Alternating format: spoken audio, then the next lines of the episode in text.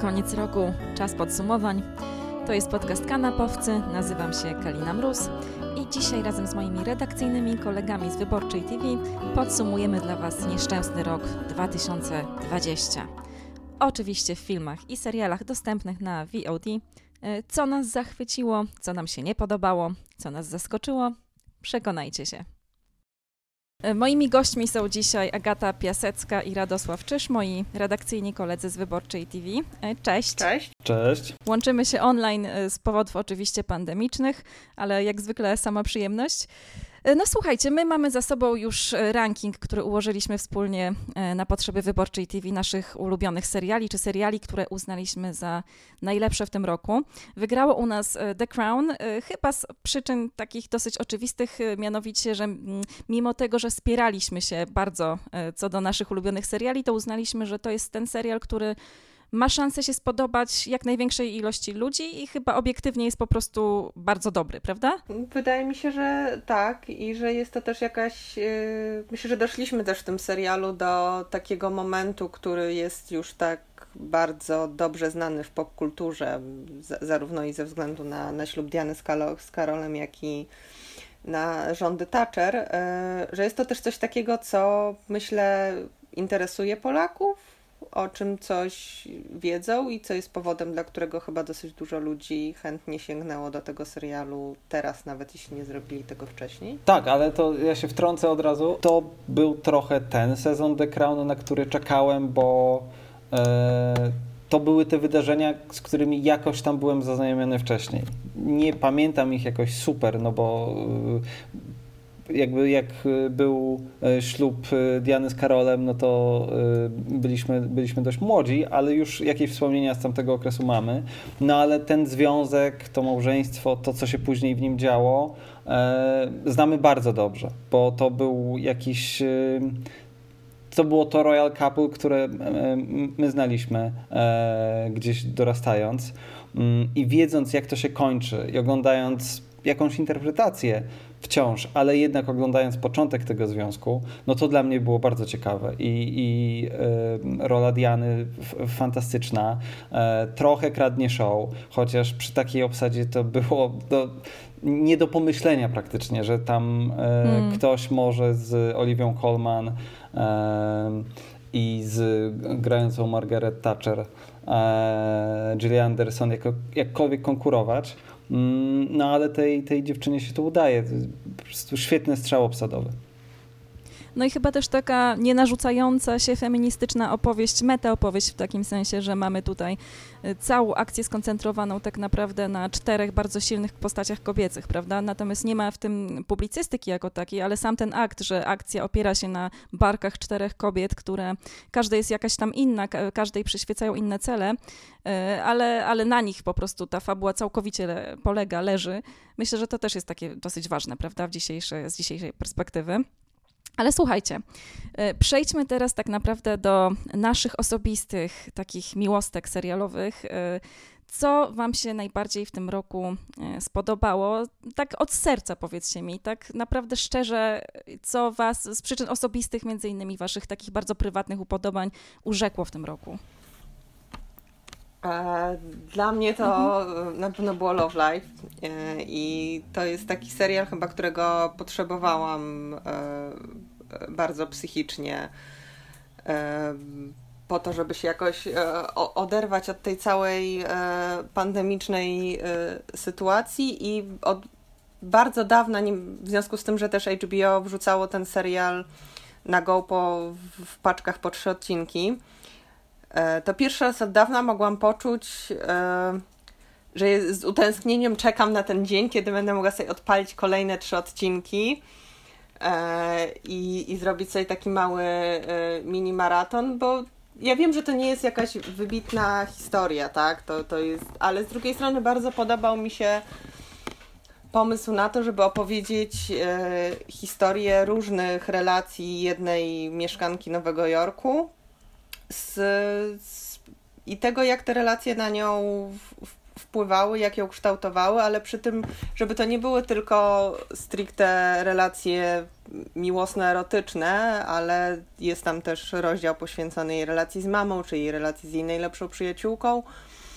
E, czyli taka historia o, o rzeczach, które nas kształtują. I dla mnie jest tam tyle jakiegoś takiego spokoju i mm, optymizmu w tej historii, która nie zawsze jest łatwa,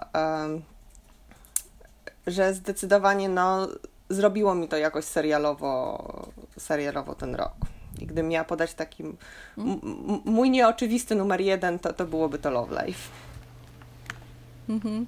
Radek? E, u mnie takim serialem e, muszę powiedzieć, że niewiele było seriali w tym roku, które jakoś naprawdę by mnie bardzo e, wkręciły, także po prostu czekałbym e, tydzień na kolejny odcinek albo chciał binge'ować po prostu wszystko jak leci, e, no bo też ta pandemia tak dała mi mo mocno w kość. Gdzieś e, czułem się zmęczony oglądaniem. E, tak to jest to nasza praca i, czasem narzekamy na to, że oj, znowu trzeba coś obejrzeć. To jest trochę głupie z perspektywy kogoś, kto nie musi oglądać godzinami e, rzeczy do pracy a później jeszcze próbować znaleźć w tym coś dla przyjemności.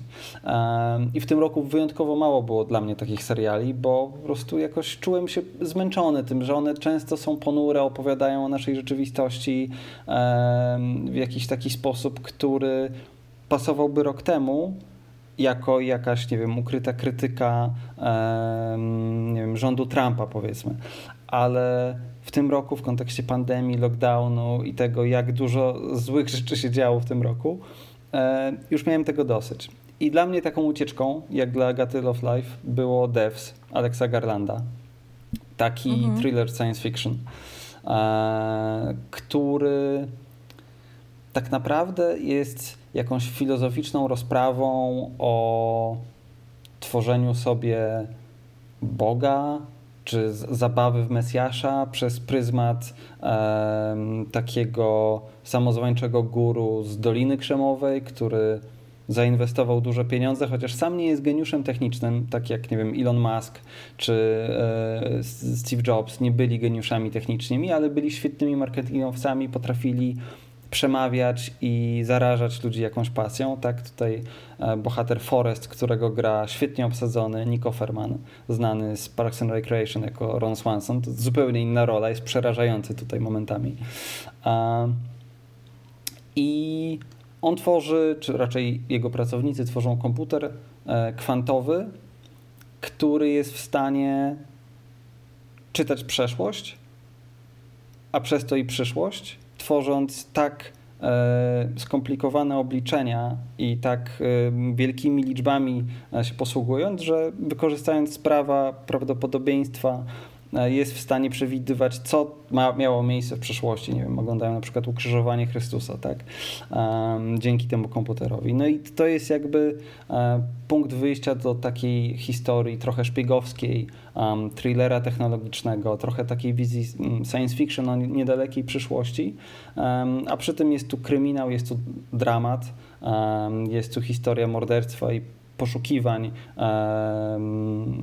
jakby odpowiedzi na to, kto zabił ukochanego głównej bohaterki, mm, który gdzieś przy pracy nad tym e, komputerem miał pracować. I to był taki serial, który przede wszystkim wizją e, Garlanda, który jest świetnym twórcą science fiction, o bardzo oryginalnym smaku i jakby guście, od razu mnie wciągnął. I warstwą wizualną, i muzyką jakby potrafił mi dać takie odprężenie i sprawić, że przenosiłem się nagle do innej opowieści, innego świata, e, bliskiego nam, bo to niedaleka przyszłość i ludzie chodzili normalnie ubrani, to nie było jakieś turbo science fiction, ale to było coś na tyle innego, że mogłem na chwilę zapomnieć o tym, co się dzieje za oknem. I, i to był taki serial, który dla mnie był numerem jeden. No właśnie chyba ten eskapistyczny pierwiastek jest wyjątkowo ważny w tym roku, prawda? E, tak jak e, wspominałeś też e, nieraz w innych rozmowach, na, na przykład na bardzo ci się podobał serial To wiem na pewno, do którego ja na przykład nie miałam odwagi nawet podejść, szczerze mówiąc. Zamierzam się przełamać, zamierzam to zrobić, ale może jeszcze nie w tym roku, tylko po nowym roku, bo słyszałam, że to jest wybitny, wybitny serial, piękna sprawa w ogóle i że należy do niego podejść. Także zamierzam to zrobić, ale na przykład też nie skończyłam jeszcze mm, oglądać bardzo ważnego serialu pod tytułem Mogę cię zniszczyć z, tych samych, z tego samego powodu, że bardzo doceniam y, to, jak to jest zrobione, bardzo doceniam jego wagę taką właśnie feministyczną, jego znaczenie, bo rzeczywiście tam jest wiele, wiele rzeczy zostało przełamanych, tabu w mówieniu, w mówieniu o gwałcie, o tym, czym jest gwałt y, i tak dalej. Bardzo też autorski jest ten serial, mocno zrobiony, odważnie. Natomiast po prostu mnie on tak przytłoczył, to było dla mnie takie zejście do piekieł, kiedy go oglądałam przytłoczona wystarczająco już tą taką pandemiczną sytuacją wokół nas, że powiem szczerze, że to był jeden z tych seriali, do których ja po prostu, nie musząc o nim pisać, e, zostawiłam sobie na później. E, nie wiem, czy też mieliście jakieś takie seriale, do których nie podeszliście, właśnie z tego powodu, że może uznaliście, się, że nie będziecie się w tym roku jakoś tak dobijać, albo, albo po prostu nie mieliście czasu do nich podejścia, chcielibyście je obejrzeć. Ja chyba muszę tutaj zrobić taki coming out, że bardzo bym chciała, żeby podobał mi się drugi sezon Mrocznych Materii.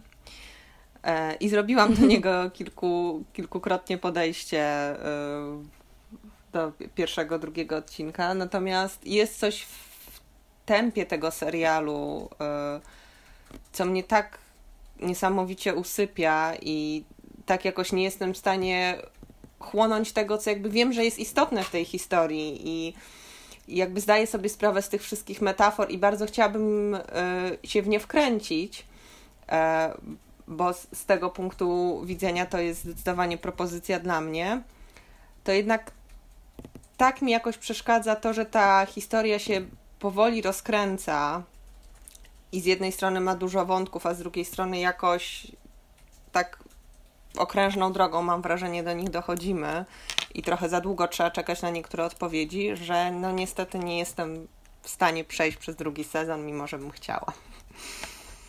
Mhm.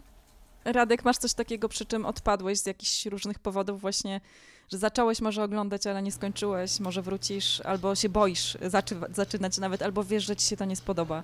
E, tak, myślę, że było parę takich seriali. E, między innymi właśnie e, ten, o którym wspomniałeś, czyli Mogę Cię Zniszczyć, e, o mhm. którym no, słyszałem, że jest to rzecz wybitna, ale po prostu jakoś e, czytając opis stwierdziłem, że chyba nie w tym roku. E, mhm. I że jeszcze na pewno nadrobię, ale jak może będę mm, w lepszym miejscu trochę w głowie, bo to wiem na pewno, o którym wspomniałaś, które obejrzeć no, musiałem z powodów zawodowych. Podobało mi się bardzo. To rewelacyjny, rewelacyjny serial ze świetną rolą Marka Rafalo, podwójną zresztą, ale no to jest tak ciężka, przytłaczająca historia, tak depresyjna, hiobowa wręcz, um, tej pary głównych bohaterów, braci bliźniaków, że y, po jednym, dwóch odcinkach musiałem sobie robić przerwę. Dobrze, że akurat miałem więcej czasu trochę na ten tekst. E, nie byłem w stanie tego binge'ować. To był taki serial, który musiałem dawkować, czasem wręcz przerywać w połowie, iść się przejść, wrócić do niego. I myślę, że sporo było generalnie takich rzeczy, na które to był niekorzystny po prostu układ gwiazd, że w, w tym roku akurat miały premierę. Mm. I czy coś jeszcze z takich rzeczy? Mm. Nie, wydaje mi się, wydaje mi się, że. A, może, może Unorthodox jeszcze. Był takim serialem, który gdzieś załapał się na w sumie początek pandemii, z tego co pamiętam. Um, mhm. I tak wyszedł trochę nieoczekiwanie na, na hit e, przez pocztę pantoflową. E, bo bardzo ciekawa i warta w ogóle uwagi i nagłośnienia historia, ale też jakoś słysząc mm, czym on się zajmuje, zwłaszcza w pierwszych odcinkach, e, stwierdziłem, że też chyba jakby na razie nie, może za jakiś czas do tego wrócę, no a później było tylko gorzej, więc do tego też nie wróciłem i leży to na takiej kupce wstydu seriali do nadrobienia. A jest ich trochę, prawda? Zwłaszcza jak się to robi zawodowo, to ludzie tego do końca nie rozumieją, ale naprawdę jak my mamy trochę wolnego, to chyba często wolimy po prostu wyjść sobie na spacer albo poczytać książkę, niż oglądać kolejny serial. To też jest taka sprawa. E, słuchajcie, no jeżeli o mnie chodzi w sprawie tych takich ukochanych rzeczy, które bardzo przypadły do gustu, no to mm, myślę, że wybiorę normalnych ludzi jednak, dlatego że po prostu wydaje mi się, że ja jako milenialka, jako osoba, u której sama, sama u siebie jakoś tam diagnozuję pewien rodzaj mm, nadwrażliwości, y, czy takiej osoby wysoko wrażliwej, bardzo doskonale jakby rozumiem tych bohaterów, utożsamiam się z nimi, przejmuję się nimi bardzo mocno, to jest ważne. Poza tym y, bardzo mi się podoba to, jak fantastycznie udało się po prostu, może to jest bardzo prosta sprawa, ale, ale czy banalna w jakimś sensie, ale twórcom udało się nieprawdopodobnie wytworzyć chemię między głównymi bohaterami. Jeszcze do tego wykorzystując aktorów zupełnie nieznanych, bardzo młodych. E, I to, jak po prostu niesamowicie jest pokazana więź między nimi, intymność, relacja, sceny miłosne, które są niespotykane po prostu moim zdaniem. Ja czegoś takiego nie widziałam jeszcze w, w ogóle w serialach. Y, właśnie ten, ta skala intymności y, i bliskości jest czymś dla mnie ogromnym artystycznym po prostu osiągnięciem. A oprócz tego też podoba mi się to, że ta adaptacja powieści Sali Runej moim zdaniem lepsza niż książka, co się bardzo rzadko zdarza i to też jest dla mnie coś takiego niezwykłego. Y, bardzo ciekawe, że tam są spostrzeżenia na temat też tego, jak bardzo my lubimy siebie zamykać w różnych klasach, jak lubimy siebie tutaj jakby definiować w lepszych i gorszych grupach. Lubimy sobie wynajdywać różnego rodzaju outsiderów, kozły ofiarne e, w różnych środowiskach. To nie chodzi tylko o stany majątkowe, co jest dla mnie bardzo taką fajną, przenikliwą uwagą. E, to się na różnych jakby poziomach życia pojawia i jak bardzo to może być destrukcyjne, jeżeli nie mamy tego świadomości. Także tak, normalni ludzie zrobili na mnie takie w tym roku emocjonalnie chyba największe, największe wrażenie, a jednocześnie to nie jest taki serial, serial który rozjedzie emocjonalnie emocjonalnie po prostu dobije. On ma optymistyczne przesłanie, bo jest o pewnej pracy nad sobą, o dojrzewaniu, o wchodzeniu w dorosłość. E, no piękna, piękna sprawa. E, słuchajcie, no to przejdźmy teraz może jeszcze mm, do filmów. E, czy macie jakieś te filmy, które w tym roku obejrzeliście i które były jak taki plasterek na to wasze życie albo was po prostu zachwyciły? No, dostępne na VOD, co nie jest trudne, bo w tym roku większość rzeczy jest na VOD, a nie w kinie. Ja chyba muszę Agata. powiedzieć e, tak dosyć naiwnie, ale jestem bardzo świeża po tym filmie, e, że dla mnie e, Bal był e, Ryana Murphy'ego, e, ekranizacja bardzo dobrego zresztą musicalu broadwayowskiego. E, był ta, taką właśnie historią, która i muszę powiedzieć, że jakby ja miałam dosyć dużo e, obawy w sobie przed tym filmem, e, dlatego że mam trochę pretensji do mojego ukochanego absolutnie Ryana Murphy'ego za to, co zrobił z siostrą Ratchet w swoim serialu. I niestety uważam, że ani piękne kostiumy, ani piękna scenografia, ani wspaniała Sarah Paulson nie są w stanie uratować e, tego, co on zrobił już z istniejącą osobowością y, jakąś popkulturową, jaką była Mildred Ratchet. E, natomiast z Balem jest tak, że on wziął oryginał i właściwie niewiele z nim zmienił. E, dał tam fantastyczną hollywoodzką obsadę, dał Meryl Streep, dał e, Nicole Kidman, Jamesa Cordena, Andrew Reynoldsa, który dla mnie jest trochę odkryciem, bo zawsze to był dla mnie ten kolega Hany z dziewczyn. E, a tutaj ma absolutnie okazję, żeby zaprezentować swój właśnie broadwayowski warsztat, czyli świetny taniec, e, świetny wokal. E, no i tu właśnie podoba mi się, że Murphy wziął historię, która się sprawdza na scenie i tak naprawdę przeniósł ją na film, ale zachowując tego ducha Broadwayu, to takie obsypane brokatem marzenie o tym, że ma się 2,5 godziny, w czasie których absolutnie zapomina się o świecie i, i ten świat przedstawiony na scenie może być trochę polukrowany, ale jakoś się w niego wchodzi i, i się kupuje tą konwencję, bo właśnie ma się apetyt na coś pięknego. I ten film absolutnie taki jest. Jest, jest piękny, jest kolorowy, jest świecący mm, przyjemnie się na niego patrzy, a do tego jest podnoszącą na duchu historią o tym, że y, miłość może przezwyciężyć wszystko i, i nawet najwięksi bigoci są w stanie e, zmienić swoje zdanie. Co, co też jest bardzo, myślę, przyjemne. Mhm. Radek? Ja mam w sumie takie trzy filmy, które jakoś bardzo e, kojarzą mi się z tym rokiem i uważam, że mm, jakoś dobrze pasują do tego, co, co się w tym roku działo. Pierwszy to są Nieoszlifowane Diamenty, które niby są z 2019, ale e, na polskim Netflixie znalazły się w styczniu, e, jakoś na samym początku stycznia, więc rok zaczynał się dla mnie od tego filmu. I to jest e, dwie godziny i 15 minut siedzenia w takim stresie, gdzie nie cierpi się głównego bohatera, którego zresztą fantastycznie gra Adam Sandler. Tej duet reżyserów braci Savdi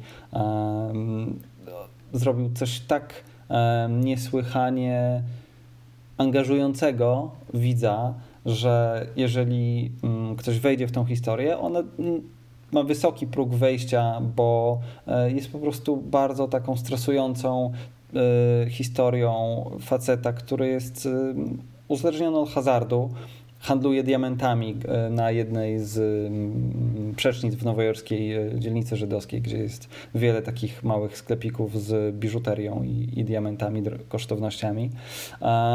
Jak coś zarobi, to od razu e, inwestuje w, nie wiem, jakiś zakład buchmacherski, więc wtapia kolejne pieniądze, więc pożycza kolejne pieniądze, żeby znowu coś obstawić i znowu przegrywa, więc znowu się zadłuża u kolejnych nieprzyjemnych typów spod ciemnej gwiazdy i tak ta spirala się nakręca, pokazując że on tak naprawdę nie ma żadnej drogi ucieczki, a my w tą spiralę wpadamy razem z nim. Więc to był taki film, który e, trochę przewidział przyszłość tego, jak ten rok będzie stresujący z innych względów dla nas, bo momentami czułem się po prostu jak podczas tego seansu.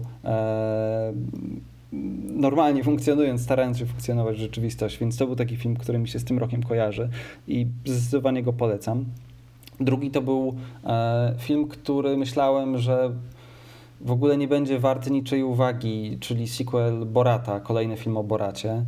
E, jakby żart, który się zestarzał bardzo po premierze pierwszej części, która może wtedy jeszcze jakoś szokowała, bo Sasha Baron Cohen nie był znanym e, aż tak bardzo komikiem i mógł wejść w tą rolę dziennikarza z Kazachstanu, który robi z siebie idiotę, żeby wkręcać przy okazji znanych ludzi w 2020 roku to nie miało prawa się udać. Ale twórcy, w tym sam Cohen, bardzo sprytnie do tego podeszli e, i wykorzystali postać córki Borata, którą grała e, debiutantka e, Maria Bakalowa w świetnej roli i to ona tak naprawdę gdzieś jest tutaj tą siłą, która wkręca ludzi, a przy okazji bardzo fajną historię relacji ojca z córką, która z takiej toksycznej, e, szowinistycznej wręcz e, przeradza się w mm, taką szczerą ojcowską miłość do, do, do córki. I powiedzieć, teraz mogę mm, bez problemu, że drugi Borat ma feministyczne przesłanie, ale widząc zwiastun tego filmu, w życiu bym się nie spodziewał, że akurat tak będzie, więc to jest taki film, który mnie jakoś zaskoczył pozytywnie w tym roku, bo myślałem, że e, to będzie jakieś 4 na 10 do zapomnienia, a jest to naprawdę jeden z ciekawszych e, filmów w tym roku i zdecydowanie też wartych seansu. A trzeci, czyli taki, który, tak jak w przypadku balu, o którym Agata mówiła, pozwala na chwilę zapomnieć o tym, co się dzieje, to jest drugi film w antologii Mały Topór Steve'a McQueena, który się nazywa Lover's Rock. I to jest godzinna historia prywatki, która zaczyna się tym, jak e, młodzi chłopcy z emigranci z Jamajki e, gdzieś na przedmieściach Londynu ustawiają sprzęt i głośniki i mikser, żeby zorganizować wieczorem prywatkę w czymś domu Później schodzą się ludzie, później zaczynają tańczyć, rodzą się jakieś romanse, rodzą się jakieś zazdrości i mija noc przez tą jedną godzinę filmu. I jest to fantastyczne doznanie e, i muzyczne, i wizualne. E, jakby od, od pierwszej chwili się wchodzi w ten świat, który McQueen pokazuje. Lata 70. późne, czy sam początek 80., Wielka Brytania i właśnie świat emigrantów z Karaibów. No, nie sądziłem, że ten film zrobi na mnie aż takie wrażenie, a myślę, że to była jedna z najlepszych pozycji w tym roku. No, jeżeli o mnie chodzi, to mm, właśnie McQueena muszę nadrobić cały, cały ten, cały tą, całą tę antologię. To, to jeden z moich ulubionych reżyserów, także nie mogę się doczekać. Myślę, że zrobię to właśnie w swoje dni wolne. E, natomiast jeżeli o mnie chodzi, no to e, bardzo mi się podobał film Niech Gadają e, z Meryl Streep, Stevena Soderberga, więc jestem jakoś w jakimś takim klimacie literackim, zauważyłam dopiero teraz, kiedy to mówię. Normalni ludzie adaptacja literatury, a Niech Gadają to jest z kolei mm, film oparty na scenariuszu pisarki nowojorskiej.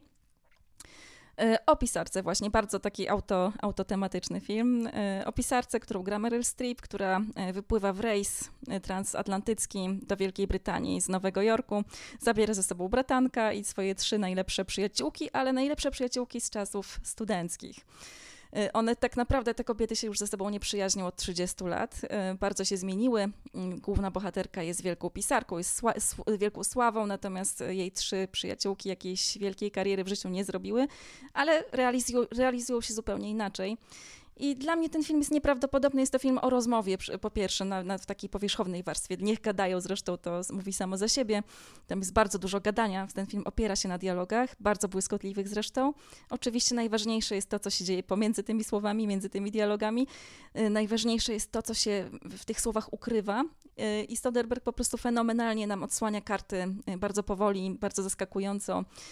Zresztą cały finał jest zupełnie zaskakujący, przewrotny i ciekawe, nie chcę za dużo zdradzać, ale tak, to jest też aktorski koncert y, i taki bardzo fajny, subtelny, subtelny, nieoczywisty film o wielu, wielu rzeczach tak naprawdę. Też o odchodzeniu pewnego świata, bo to jest też pożegnanie z takim światem y, analogowym, światem kultury wysokiej, która jest tam też potraktowana trochę ironicznie. Tam jest też jakieś takie miejsce na obronę popkultury, a z drugiej strony na pewien sentyment, że pewien świat y, odchodzi już, świat chodzenia do biblioteki, czytania trudnych książek i właśnie takiego bardzo bardzo mm, skupionego podchodzenia do świata, kontemplacyjnego. E, także to polecam. A drugi film, e, który obejrzałam niedawno, o którym przypomniał mi Witold Mrozek, nasz kolega z działu Kultura, e, to przypomniał mi, że mam go obejrzeć. Generalnie rzecz biorąc, to jest Czego nauczyła mnie ośmiornica. To jest polski tytuł. Jest film dokumentalny.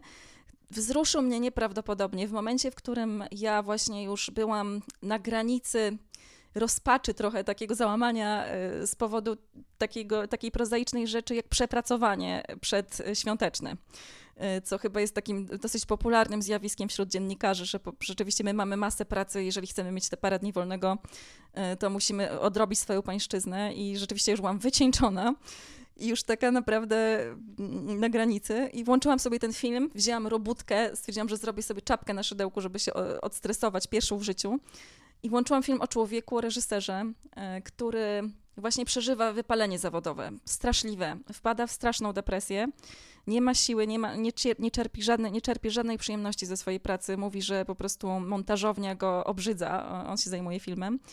I wraca do korzeni, wraca do nurkowania, wraca do morza, tam on właśnie spędził dzieciństwo nad Atlantykiem. E, wraca do, do oceanu, generalnie rzecz biorąc, zaczyna nurkować e, i poznaje ośmiornicę.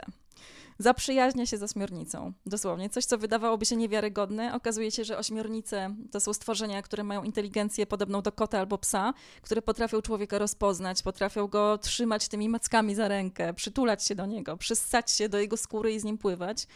I ten film pokazuje, jak każde, nawet najdrobniejsze stworzenie, po prostu po pierwsze, jak możliwa jest przyjaźń międzygatunkowa, po drugie, jak każde najmniejsze stworzenie ma, mm, ma swój świat, swoje życie, swoje dramaty, stworzenia, których byśmy nie podejrzewali, że je mają i jak cenna jest natura po prostu, właśnie dla człowieka też. On przypomina nam, że po pierwsze, żeby zwolnić w życiu, żeby właśnie się tak nie zajeżdżać, a po drugie, żeby to jednak to, ten, tej, tę naturę chronić i odnawiać z nią więzi. I tutaj też mi się przypomina film oczywiście Davida Attenborough, bardzo ważny, prawda? Te, te, te, mówię o tym filmie, w którym on... Um, swój testament nam przekazuje. To też jest film, który zrobił na mnie w tym roku kolosalne, kolosalne e, wrażenie. No ale słuchajcie, teraz przejdźmy do rzeczy nieprzyjemnych, e, do rozczarowań. E, jakie są wasze jakieś takie naj, największe rozczarowania, nieważne czy filmowe, czy serialowe? Mogą być albo takie, albo takie. Czy było coś takiego? No już wspomniałam trochę, że dla mnie rozczarowaniem była Ratchet, czyli serial poświęcony Mildred Ratchet, y, siostrze z lotu nad kukułczym gniazdem, y, który to zrobił Ryan Murphy. I gdzieś mam, mimo że bardzo sobie cenię jego twórczość i, i dosyć dużo jego seriali i filmów mi się podoba, e, to mam wrażenie, że to było jakieś pójście na łatwiznę i, i chęć gdzieś tam zmonetyzowania fenomenu, jakim jest ta postać. E, I to, że ona od, od, od wielu lat rozbudza, rozbudza wyobraźnię i, i, i przeraża. E, ale przeraża na takim poziomie bardzo psychicznym, a, a to, co zrobił Ryan Murphy w swoim filmie, w swoim, w swoim serialu właściwie, to y, trochę chyba poszedł na łatwiznę i nakręcił sobie kolejny sezon American Horror Story, robiąc po prostu z, z główną bohaterką znaną postać z popkultury. I trochę nie jestem mu w stanie tego wybaczyć, bo, bo uważam, że to lenistwo z jego strony. E, a jeśli chodzi o film, to niestety moje serce y, strasznie płakało oglądając Elegię dla bidoków Ro, Rona Howarda. Y, jest mi strasznie przykro, dlatego że wiązałam ogromne nadzieje z tym filmem i ze względu na tematykę y, i ze względu na obsadę, no bo Amy Adams, którą bardzo cenię i Glenn Close. Wszystko zapowiadało się świetnie.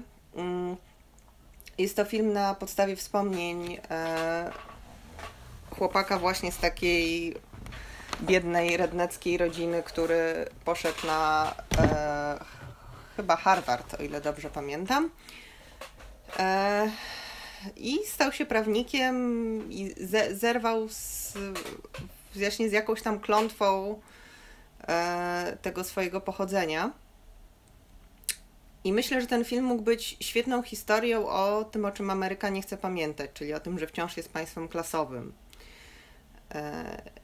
i że mimo, że jest ten e, archetyp od pucubuta do milionera, to tak naprawdę pochodzenie jest bardzo ważne, zwłaszcza jeśli jest się studentem właśnie szanowanej ligi bluszczowej i chce się wykonywać określony zawód z wysokiego prestiżu.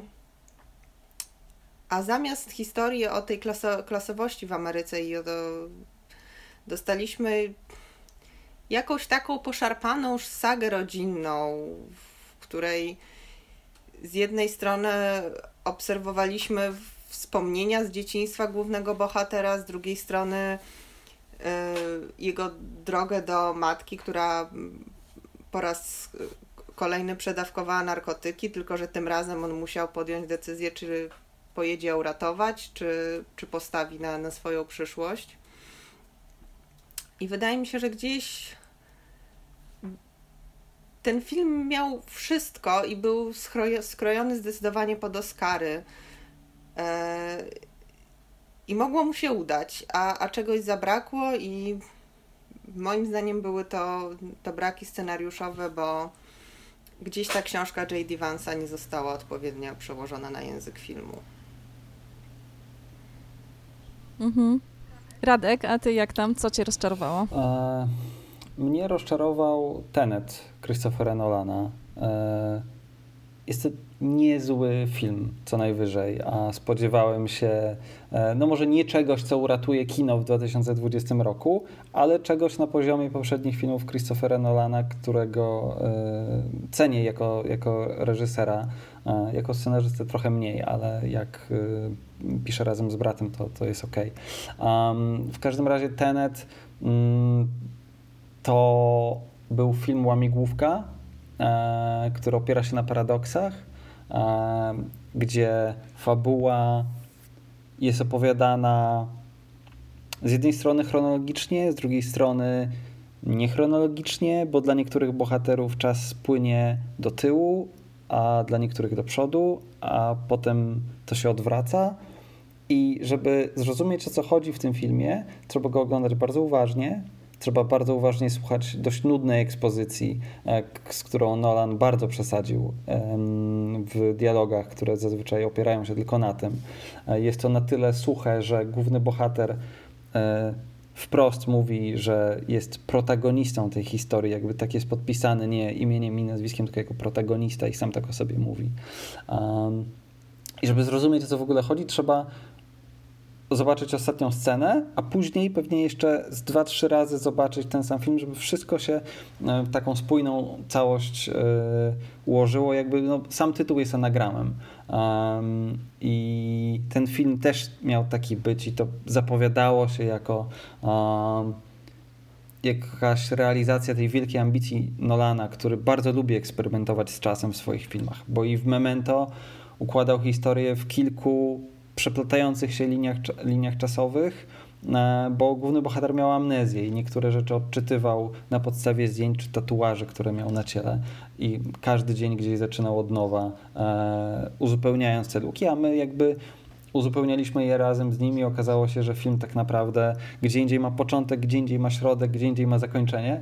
Um, tak samo było, nie wiem, w Interstellar, gdzie też było dużo zabaw czasem, czy w Dunkierce, gdzie były trzy linie czasowe które się przecinały w momencie kulminacyjnym, ale tam to działało. Tutaj cały trik miał na tym polegać i to niestety e, nie działa. Jakby to było fajne doświadczenie w IMAXie i ostatnie w tym roku doświadczenie kinowe dla mnie przynajmniej. E, no bo później już kina były zamknięte, nie było jakichś bardzo dużych premier, na które e, się wybierałem. A nawet jak były, to, to trochę nie czułem się na siłach, żeby, żeby do kina e, się wybierać. E, no i niestety e, mam taką gorycz, że kurczę, gdyby nie było tej pandemii, to może mielibyśmy Dune, mielibyśmy coś innego, mielibyśmy jakiś film w tym roku, który dałby mi takie spełnienie, że to był fajny rok w kinie, a niestety przez zbyt duże ambicje Nolana się nie udało. No, na osłodę tylko Robert Pattinson, który jest fantastyczny w tym filmie, jak zresztą w każdym innym, więc jak teraz chyba Tenet wyszedł na DVD, więc można sobie przywijać do sceny z nim, jest czarujący, e, polecam Pattisona, a Tenet mniej. No, to śmiesznie właśnie, bo mówiłeś o tej formie dużo. No właśnie, a propos, e, ja z kolei odpadłam, to znaczy może nie powinnam, nie będę się tu długo wypowiadać, ale odpadłam, przyznam, przy Manku, przy Manku Finchera. To jest film, na który bardzo czekałam. Obywatel Kane, no to jest przecież jeden z najwspanialszych filmów w historii kina, na którym ja się wychowałam, na którym ja się uczyłam w ogóle filmoznawczej wiedzy, jakichś tajników filmoznawstwa, czytania kina, to wszystko, rozkładanie na części pierwsze tego filmu, no to, to naprawdę to były początki mojej edukacji jeszcze w liceum i później na studiach dalej, to, to było drążone. A tutaj, y, no i chciałam po prostu szczerze mówiąc, y, ma, miałam nadzieję, że Mank to będzie coś, taki film ciekawy, ale jednak film o człowieku. Film, którym naprawdę mi otworzy oczy jakoś na tę postać Mankiewicza scenarzysty, obywatela Kane. Tymczasem zderzyłam się ze ścianą, z formalną ścianą, ponieważ jest to rzeczywiście nieprawdopodobnie kunsztownie zrobiony film. Wspaniała zabawa formą, jak to u Finchera bywa. Natomiast całkowicie, no to, ta forma, jakby jak kiedy ja chcę oglądać Obywatela Kane, włączę sobie Obywatela, Obywatela Kane, natomiast takie meta filmowe rozważania, kino o kinie, to wszystko właśnie przykryte tą grubą skorupą tej wspaniałej formy nawiązującej właśnie do, twórczo, do twórczości Orsona Wellesa. Odrzuciło mnie to całkowicie, byłam głęboko niezainteresowana tym filmem, co mnie zaskoczyło całkowicie. Ja, byłam, ja usiadłam z wypiekami na twarzy, mówię, ale to będzie dobre odpadłam, odpadłam w dwóch trzecich. Y, zamierzam jeszcze raz spróbować obejrzeć ten film. Może byłam nie w formie, może byłam zmęczona. Liczę na to. Może go odkryję na nowo, bo ja po prostu czytałam takie zachwyty nad tym filmem, niesłychane, że myślę, może coś ze mną jest nie tak po prostu, a może nie. Może po prostu to jest nie dla mnie. Ale no Mank złamał mi trochę serce, bo po prostu odpadłam od tego filmu. Mur między mną a tym filmem jest ogromny. Ale jeszcze zakończmy już optymistycznymi, op, myślą optymistyczną, mianowicie, czy było coś takiego, bo mnie spotkało zaskoczenie ogromne y, w postaci tego, że włączyłam sobie, zupełnie nie spodziewając się niczego, nie wiedzieć czemu, chyba właśnie z nostalgii za, za dzieciństwem i żeby sprawdzić, co to takiego, Ostatni taniec, dokument y, o Chicago Bulls. Ja nigdy w życiu nie obejrzałam ani jednego meczu koszykówki. Nigdy. Natomiast doskonale pamiętam moich y, kolegów z podstawówki, koleżanki z podstawówki, które sobie wyklejały po prostu z jakichś magazynów typu Bravo Sport, Denisa Rodmana, Michaela Jordana, te wszystkie gwiazdy koszykówki wielkie, Magica Johnsona. Więc ja te wszystkie, jakby tych wszystkich gwiazdorów doskonale pamiętam. I doskonale pamiętam, co się wtedy działo, jak, te, jak dzieci, jak po prostu dzieci się jarały tą koszykówką, jak był ten film z królikiem Baxem yy, i te sprawy. I jak ja sobie włączyłam ten dokument, to słuchajcie, poczułam smak gumy Donald w ustach. Naprawdę. To było niesamowite. Jakbym się cofnęła głęboko do lat 90., te wszystkie buty, jakby sneakersy, nie? adidasy, wiecie, no to po prostu Reeboki, jakie to miało wtedy znaczenie w ogóle dla nas, jak byliśmy dziećmi. To było niesamowite i wchłonęłam ten serial Y, maratonem. Każdy wieczór na to poświęcałam. Zresztą to w ogóle super opowiedziana historia, po prostu. Oczywiście hagiografia. Y, wiem, że osoby, które się koszykówką interesują, miały dużo zarzutów, że tam się bardzo wybiela Jordana, ale mimo wszystko jakby magia sportu udzieliła mi się, mimo że kompletnie się nie interesuje koszykówką. Czy mieliście coś takiego właśnie, co myśleliście się w życiu, bo po prostu nie spodoba się, ale może, nie wiem, wasz partner, y, żona, chłopak, mąż oglądał to i przez ramię mu podejrzeliście, usiedliście i stwierdziliście, ale super. E, no ja miałam chyba takie dwie produkcje, wobec których nie miałam żadnych oczekiwań, wręcz w stosunku do jednej e, sama obawy. E, I tak było z Królem Tygrysów, wobec którego nie miałam żadnych oczekiwań. Obejrzałam ten serial dosyć wcześnie, kiedy troszeczkę zaczęło się o nim mówić gdzieś w Stanach po premierze. I pomyślałam, no to trzeba zobaczyć, o czym jest ten dokument o kolesiu, który hoduje e, tygrysy. I to, że wpadłam do jakiegoś fantastycznego świata, o którego istnieniu nie miałam absolutnie żadnego pojęcia, w którym są prywatne zoo, w których w jakichś okropnych warunkach przetrzymuje się zwierzęta, że, że te dzikie zwierzęta, te wielkie koty są jakimś symbolem też y, luksusu dla niektórych ludzi i, i takim akcesorium, które, które warto mieć. E, a, a z drugiej strony te, ten szał, który później ogarnął, ogarnął świat po tym serialu, ja myślę, że ten serial jest trochę taką serialową definicją y, mijającego roku. Jest tak absurdalny i tak jakby nikt się nie spodziewał, że to się tak potoczy, a, a jednak wszyscy oszaleli na punkcie historii kolesia, który siedzi teraz w więzieniu i prawdopodobnie zostanie uniewinniony przez Trumpa.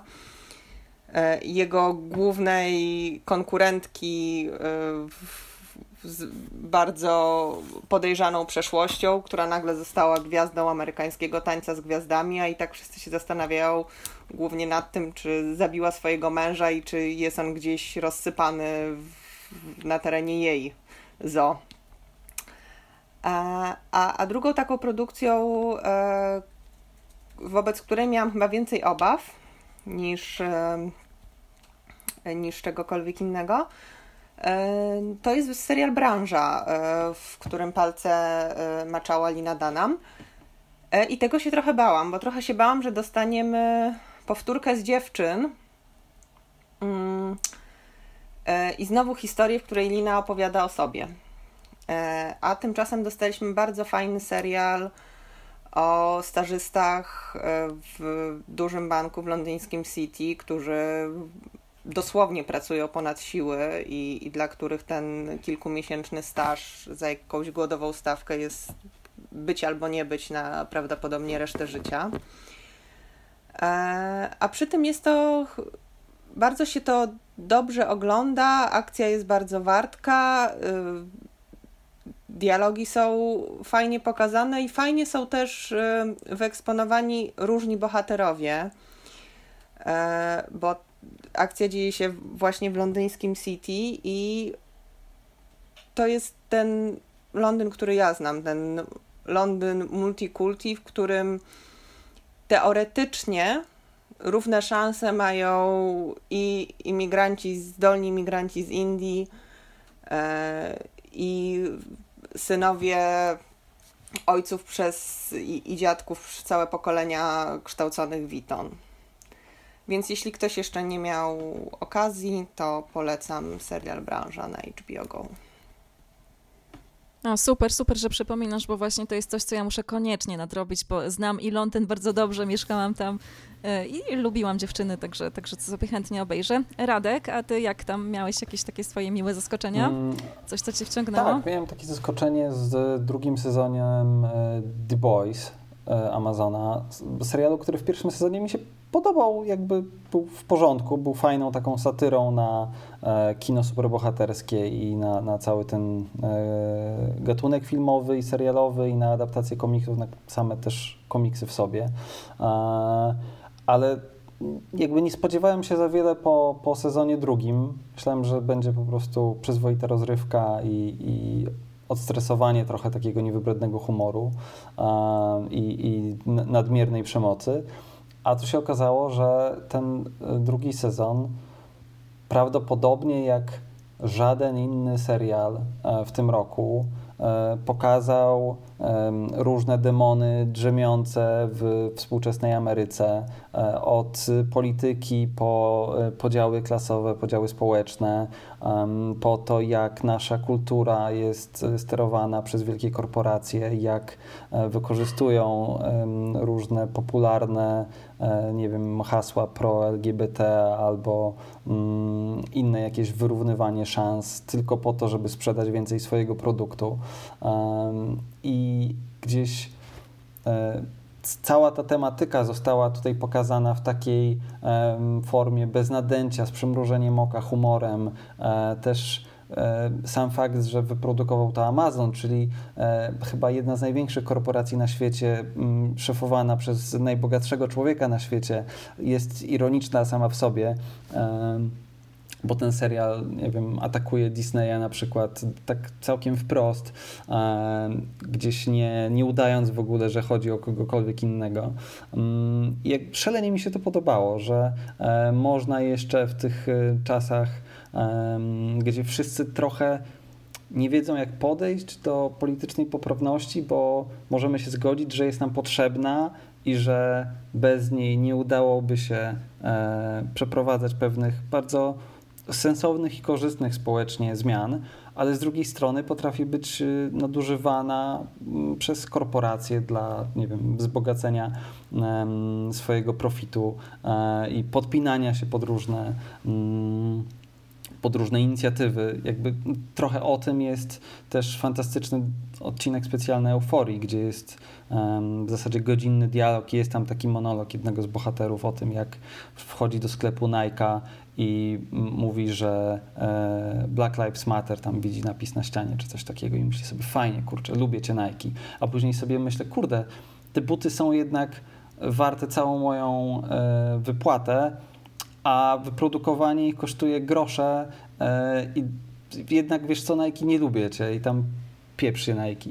Um, I jakby to są, to są te same tematy, które gdzieś w The Boys y, cały czas y, w drugim sezonie padają. Um, I to było dla mnie zaskakujące, jak jeszcze w świeży, fajny, przystępny i pełen rozrywki sposób można mówić o ważnych rzeczach. Ciekawe, co mówisz właśnie. Też Boysów to, to jeszcze nie próbowałam ich nawet oglądać, ale tak, w ogóle kwestia poprawności politycznej to jest chyba też coś takiego, z czym jeszcze kino musi sobie poradzić, seriale, tak naprawdę jak tego używać, żeby nie, nie traciła na tym wartość artystyczna, żeby to było szczere, prawda, nie, żeby to nie było takie pod linijkę, nie trąciło sztucznością, prawda, to jest jeszcze cały czas lekcja, mam wrażenie, do przerobienia, bo to jest wszystko bardzo ważne, ale cały czas jeszcze mam wrażenie, że filmowcy macają ten grunt, nie, nie do końca potrafią się sobie z tym poradzić. Słuchajcie, no to cóż, kończymy, kończymy ten rok nieszczęsny. Także mam nadzieję, życzmy sobie, żebyśmy w przyszłym roku przede wszystkim mogli chodzić do kina, nie tylko siedzieli przed telewizorem, a jeżeli jeszcze będziemy musieli sobie trochę posiedzieć przed tym telewizorem, to żebyśmy mieli jak najwięcej dobrych rzeczy do oglądania. To są bardzo dobre życzenia. Bardzo, bardzo Wam dziękuję za zaproszenie. Też bardzo dziękuję. Do zobaczenia w nowym roku. Do zobaczenia w nowym do roku i do usłyszenia. Cześć. Cześć. To byli Agata Piasecka i Radosław Czyż. Kończcie ten rok y, wesoło, świętujcie. Nie zapominajcie jednak kupować co piątek gazety wyborczej z Wyborczą TV. Y, chociaż tam cykl wydawniczy się trochę zmienił, więc sprawdzajcie to, bo tam są nasze teksty, tam o filmach i serialach dostępnych na VOD. I cóż, do, do usłyszenia w lepszym, mam, miejmy nadzieję, 2021 roku. Kalina Mróz, odpoczywajcie.